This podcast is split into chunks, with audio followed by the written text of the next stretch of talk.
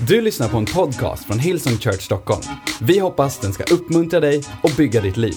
För att få mer information om Hillsong och allt som händer i kyrkan, gå in på www.hillsong.se.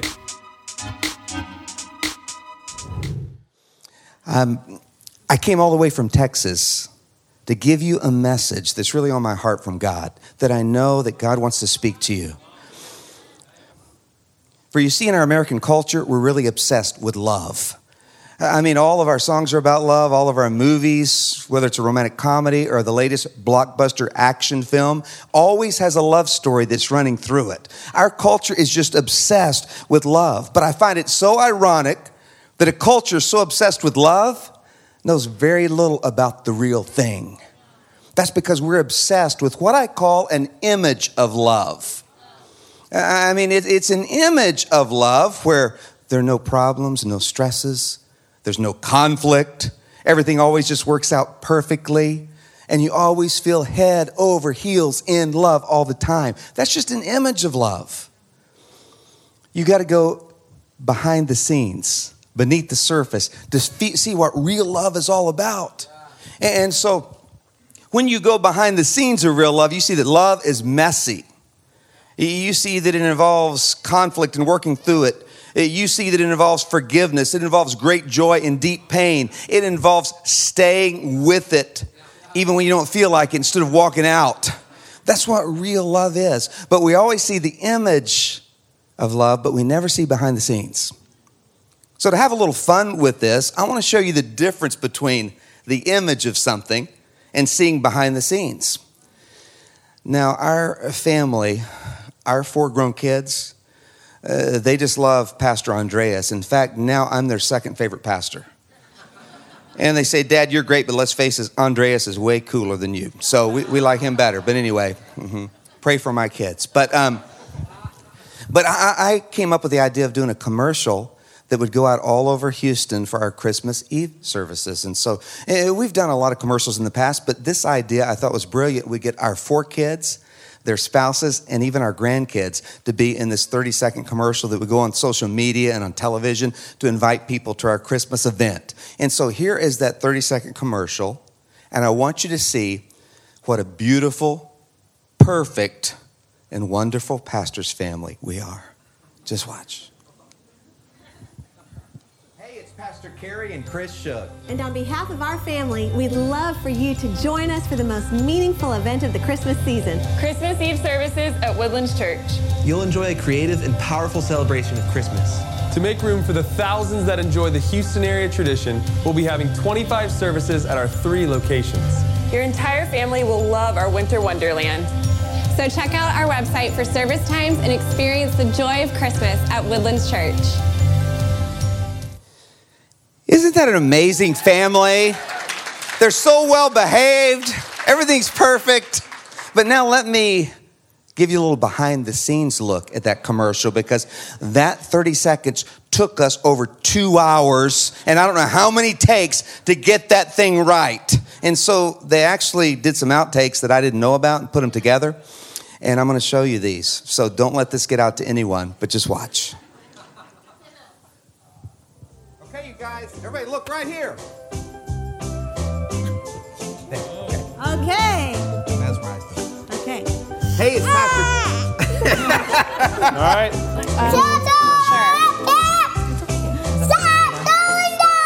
Hey, you guys. Um, do you want me to tell you a story about the uh, Phantom of the Opera Church? What? There is this man who lives here in the church building. He lives up in the rafters, oh. but he loves Jesus. But he loves and he Jesus. prays God. 24 hours a day for bet people. Ready? Hey, it's Pastor. Sorry. Hey, it's Pastor. okay, go ahead. Wow. Who you went? All right, we'll see what we got. Most meaningful event of the season. Christmas Eve services at Woodlands Church. You'll enjoy a creative and powerful celebration of Christmas. We'll be having 25 services at our three locations. Oh, Lincoln, he's working on a nice drool. Just slowly. Ready? Fits that? Oh wait, not yet. Almost. Okay. I'll tell you. Almost. To make room for the And then We'll, we'll tell you when. I'll tell It's you good when. timing. Okay. That's. Whoever's quiet in this one, I'll get him a toy. But if they're if they talk and, and yell and stuff and cry, I can't get you a toy. Yeah, that's that will keep that will be the thing that keeps you from getting a toy. But you can, um, but uh, you Okay. can get a blessing from Pastor Kerry. Okay, here we go. Are you? I smiled. Yeah, you did. You did really good. proud of you. You did really good. I think you're getting a toy. We'd love for you to join us for the most meaningful event of the se- Sorry, start over. Se- season. Oh, ah. see. okay, I love these outtakes. okay, Close. okay, okay. Go ahead. We're done. That was awesome, you guys. Nailed it. Nailed it. Okay. All right, that's a wrap. That's it. We got it. That's the real deal. But if you really want to go behind the scenes of that commercial and, and seriously go behind the scenes of our family, then I have to open up my heart to you and let you know that that commercial was really painful. Not because it was so frustrating, but it, was really painful because, like all of our family gatherings now, whether it's a family portrait or a family dinner or just getting together over at our house, there's always one family member missing, and that's our grandson, Jude Samuel. For you see, our son, Josh, and his wife, Kelly, had a little baby boy on January the 7th, 2017, named Jude.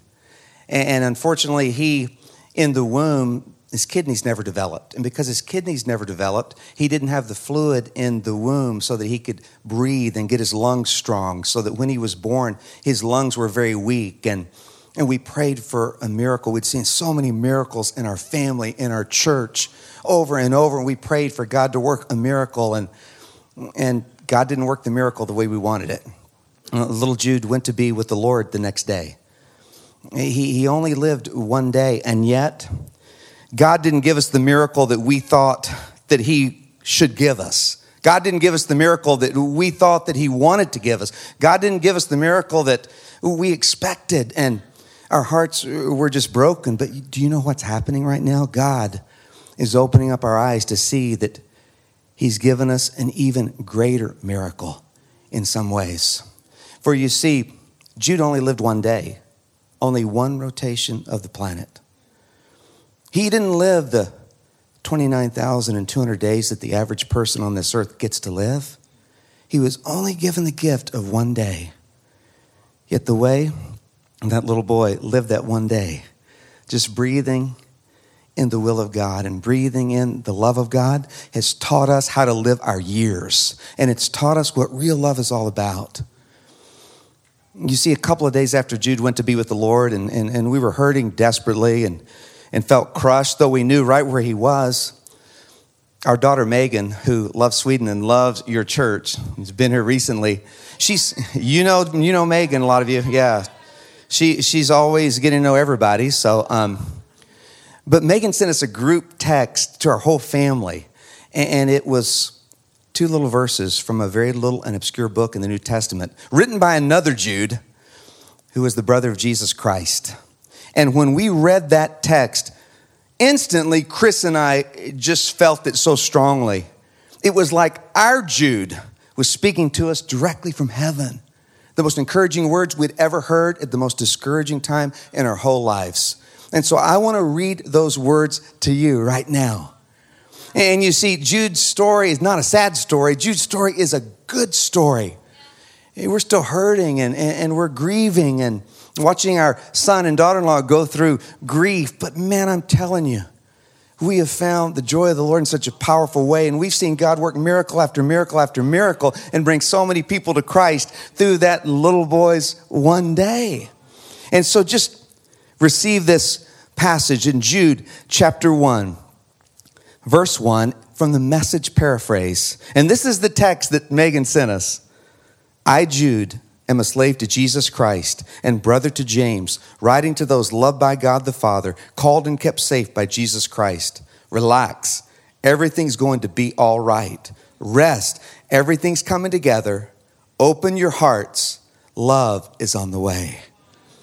And that's why I came from Texas to tell you that.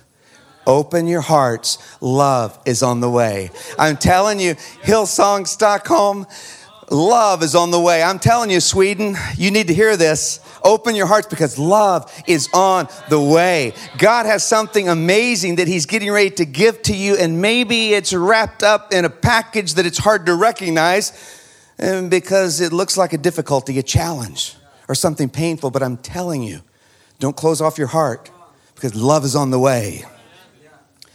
That's really the secret to real love, a love that changes you, the secret to a love that brings total fulfillment. You have to open your heart and live with a heart wide open. And you were made to live with a wide open heart. The problem is, the pains and difficulties of life come in and our hearts get wounded, our hearts get let down, our hearts get disappointed, our hearts get broken, our hearts get betrayed. And then our hearts become fearful. And, and because our hearts become fearful, we start shutting down our hearts. We stop living with a wide open heart. I mean, every child lives with a wide open heart. Uh, but then, because of our failures and, and all the hurts that come into our heart, we start shutting down parts of our heart to God. And it keeps us from receiving what God wants to give us. It keeps us from receiving God's love and then giving God's love. And we shut down maybe a fourth of our heart or half of our heart and we can't receive all that God wants to give us. And God made you to live with a wide open heart. But you need to understand something. There's a battle today raging for your heart. Our enemy fears someone who lives with a wide open heart because Satan knows what God can do through an ordinary person who lives with his heart wide open receiving all that God has for them, and then giving that love, unreserved, totally surrendered. I mean, our enemy fears an ordinary person who lives with a heart wide open, filled with the love of God, because he knows a heart wide open to God's love cannot fail. That's why this church has not failed because it's built on love, the love of Jesus Christ and giving love to people. And the whole motivation that Pastor Andreas and Pastor Lena and their family and you have is because you love people and you want one more to come to Jesus. And I'm telling you, because love is your motive, your greatest aim, this church will never fail. But many times I have to admit, when I get wounded, I start closing down my heart and I miss out on some of the things that God wants to give me. So I just want to share with you three things because I believe that Every one of us have been wounded in our hearts at times. And we, we let our guard down. And sometimes it's self inflicted wounds because we open our hearts to disobedience. And then our enemy sends those poison arrows of shame and guilt into our hearts so that we'll try to cover up our hearts and, keep others from seeing our struggles.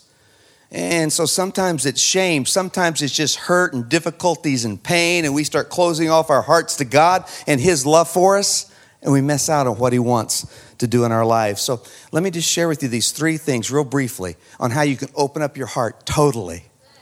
First, rest in the goodness of God's heart. Rest in the goodness of God's heart. In Jude 1 2, it says, Rest. Everything's coming together. And, at a point in time in our lives when we felt like everything in our life was falling apart, God said, Everything's coming together, just like I planned. You can rest in my good plan. It doesn't look good to you right now. I get it, says God. But you can rest in my goodness because I still have a plan and it's a good plan. You just can't see it right now, and that's okay. My wife, Chris, heads up our Farmers Field School mission and we plant farmers' field schools, agricultural schools in Kenya and in many other places in the world. And, and we train them on these agricultural principles so they can grow good crops. Uh, we get them good seed. And then we tie it all into biblical principles, and it's just been amazing. We're feeding like 80,000 people around the world on a continual basis, and we've joined, our other groups have joined with us, and we've connected, and it, has been amazing. And we just started it in Haiti. And so Chris goes to Haiti a lot through ministry with our church. And she brought the agricultural scientist from Kenya. He's a wise Kenyan. His name is Dr. Apollo. I don't think he had ever flown that far in his life, but he gets to Haiti, meets Chris, and they're walking in a field there in Haiti. And they're trying to determine you know, how they're going to do the farmers' field schools there. And so Chris is walking through the field and it's just filled with rocks. And I, I mean, it, it's just uncultivated and it, it's just a lot of dust blowing around and just rocky ground. And Chris is thinking, eh, this doesn't look like the ground that we've worked with in Kenya. This is going to be a problem. So she turns to the expert, Dr. Apollo, and she says, Is this good land? And the wise Kenyan just stops and and then he smiles and he says, Yes, it's what the Lord gave them. Of course, it's good land. And Chris was put in her place by this wise Kenyan. And uh, I've been put in my place many times by those on the mission field that are making such a difference. And, and, and Chris has never forgotten that. It meant so much to her because now when she looks at everything that's rocky or difficult or, or painful, she knows that, hey, it's good land because we have a good God. It's what God gave us, so it is good. It doesn't look good right now, it doesn't feel good right now, but it is good because we have a good God.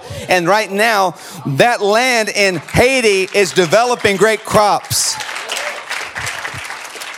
Hard isn't the opposite of good. Did you hear that? Hard isn't the opposite of good. Sure feels like it to me, though.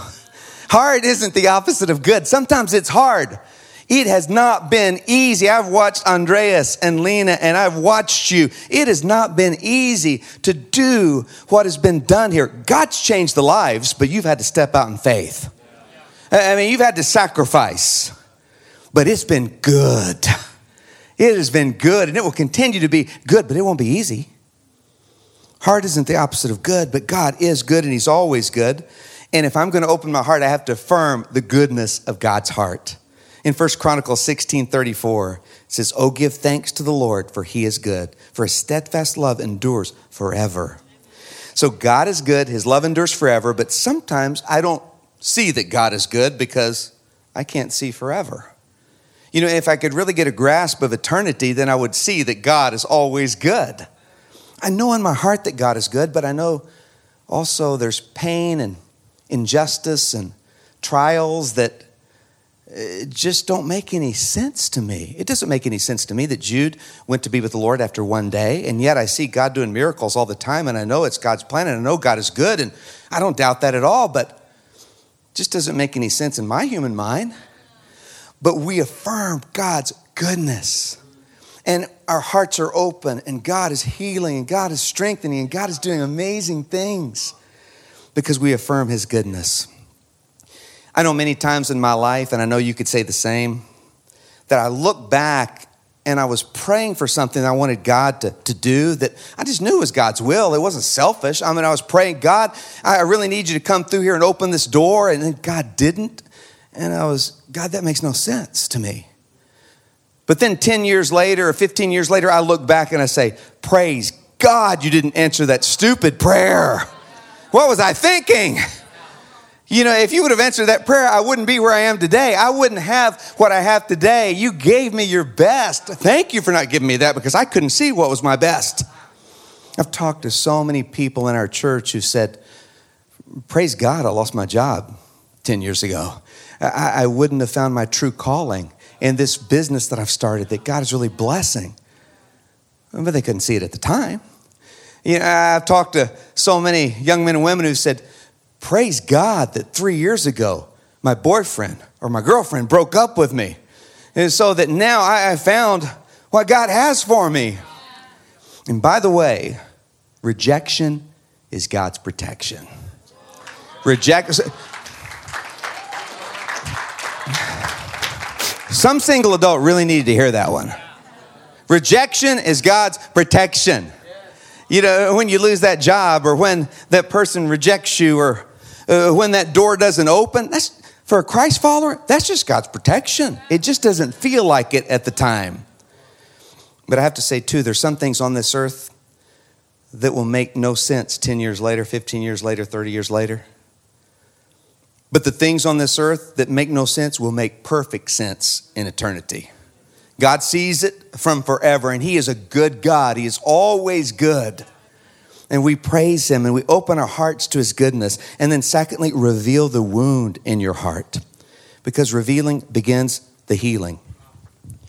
The biggest fake news story in all of history has been circulated by Satan, and it's this You're the only one.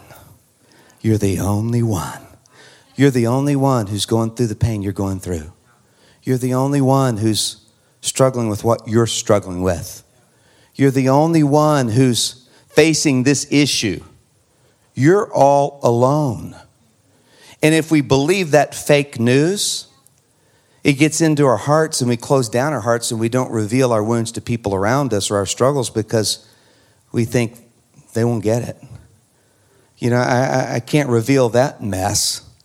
I can't reveal that hurt. I'm the only one going through that. When God says that is just a lie from Satan, that's fake news that hurts your heart.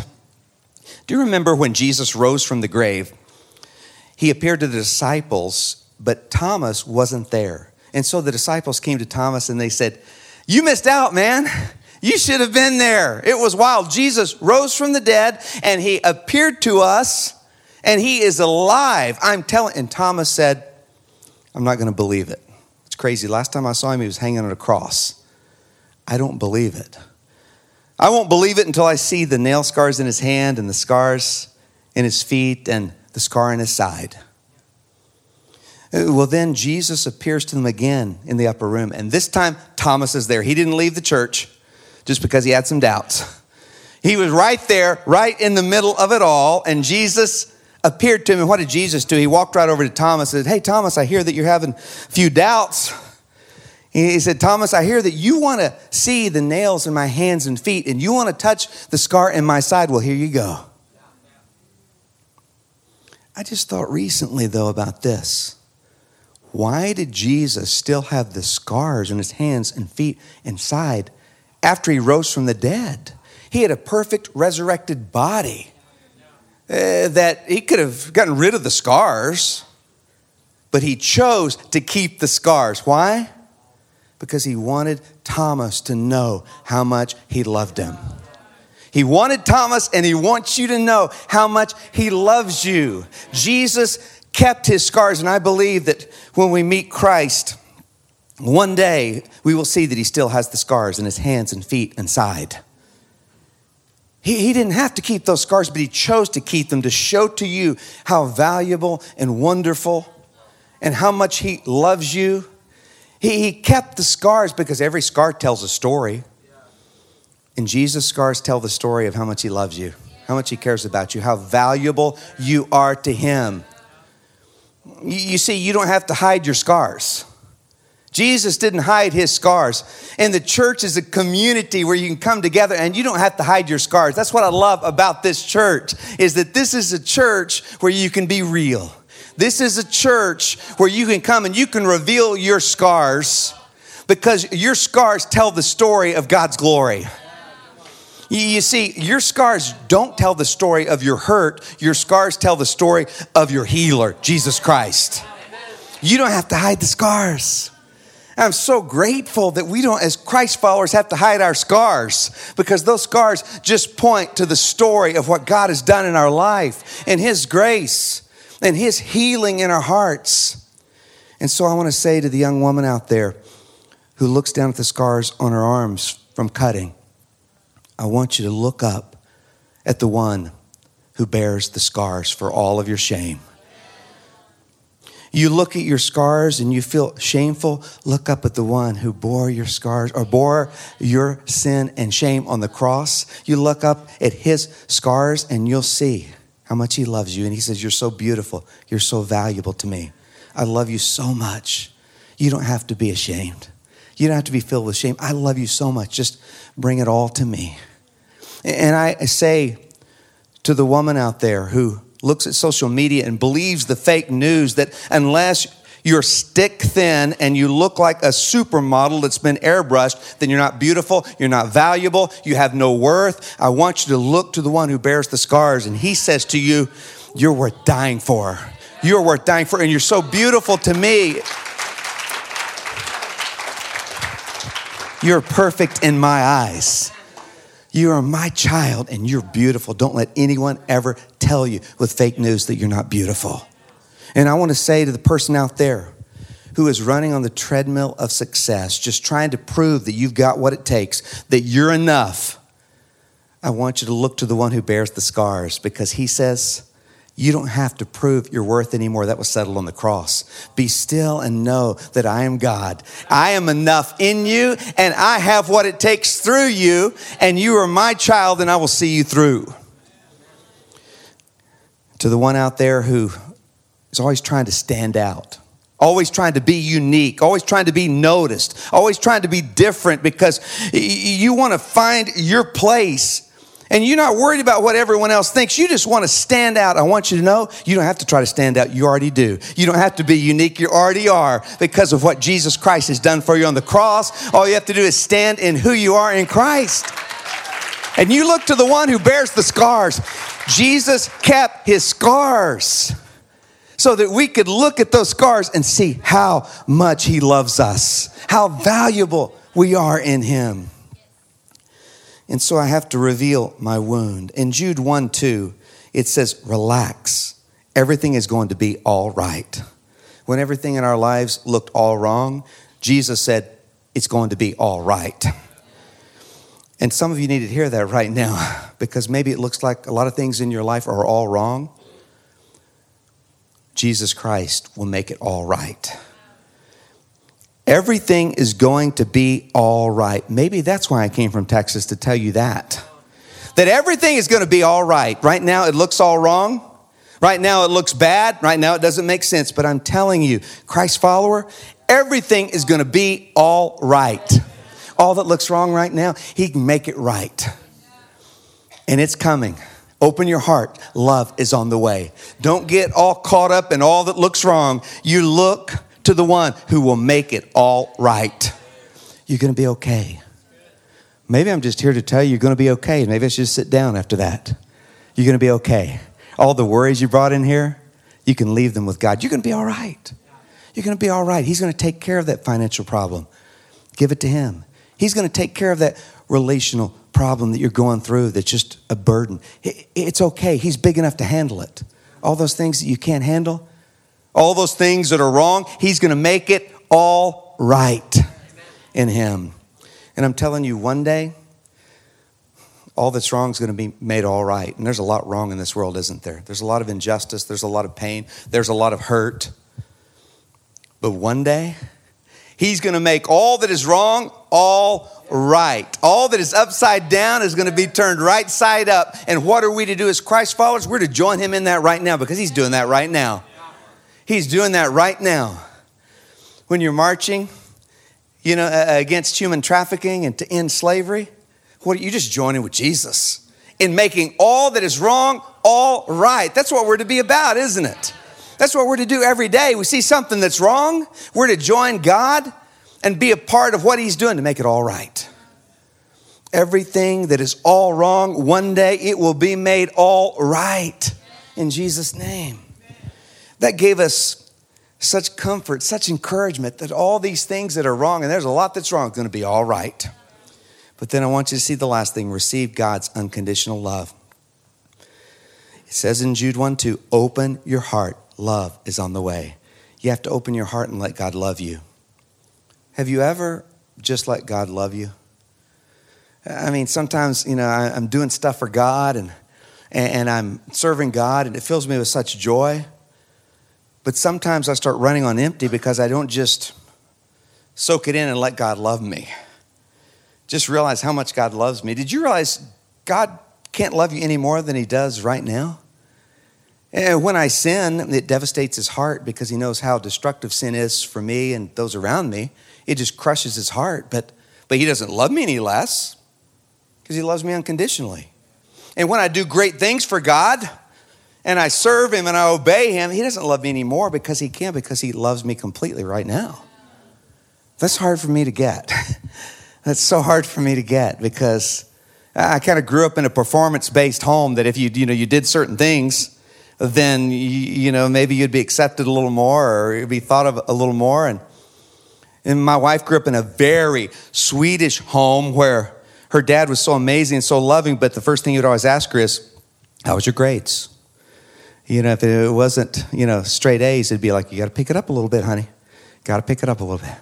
And, and so we kind of, you, so when you grow up in a performance based home, you start thinking that love is based on performance, but not with Jesus, praise God.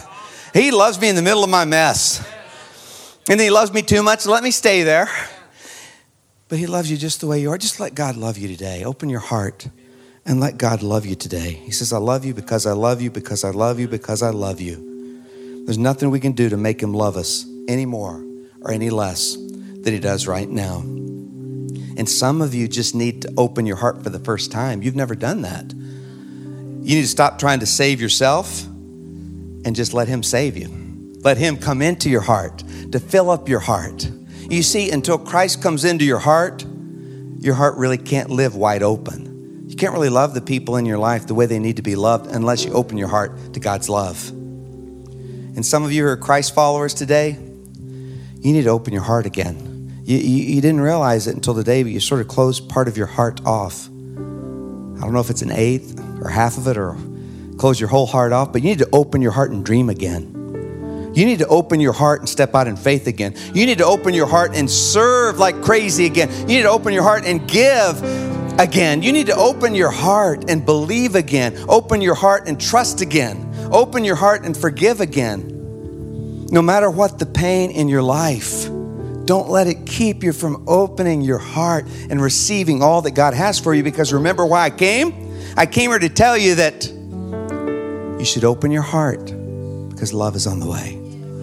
I, I, don't know what that is specifically for you, but I know it's going to be Jesus. I know it's going to be Jesus. He's going to show up in some way, but don't miss it. I mean, don't miss it because of the pain in your life. Don't miss it because it's hard. Don't miss it because of the difficulties. Open your heart. Love is on the way. And that love is Jesus Christ. His name is Jesus Christ. He was the light of love at creation, looking down on all that He created. Jesus Christ is love itself. He was love in human flesh at the manger. He was the miracle of love walking among us. He was redeeming love on the cross. He was resurrected love on the third day. He is now the bridge of love, bridging the gap between God's perfection and our sins. He is prevailing love because He's faithful forever. He's the voice of love that calls out to you in your darkest night. He's the arms of love that will hold you up when you can't hold up your burdens anymore.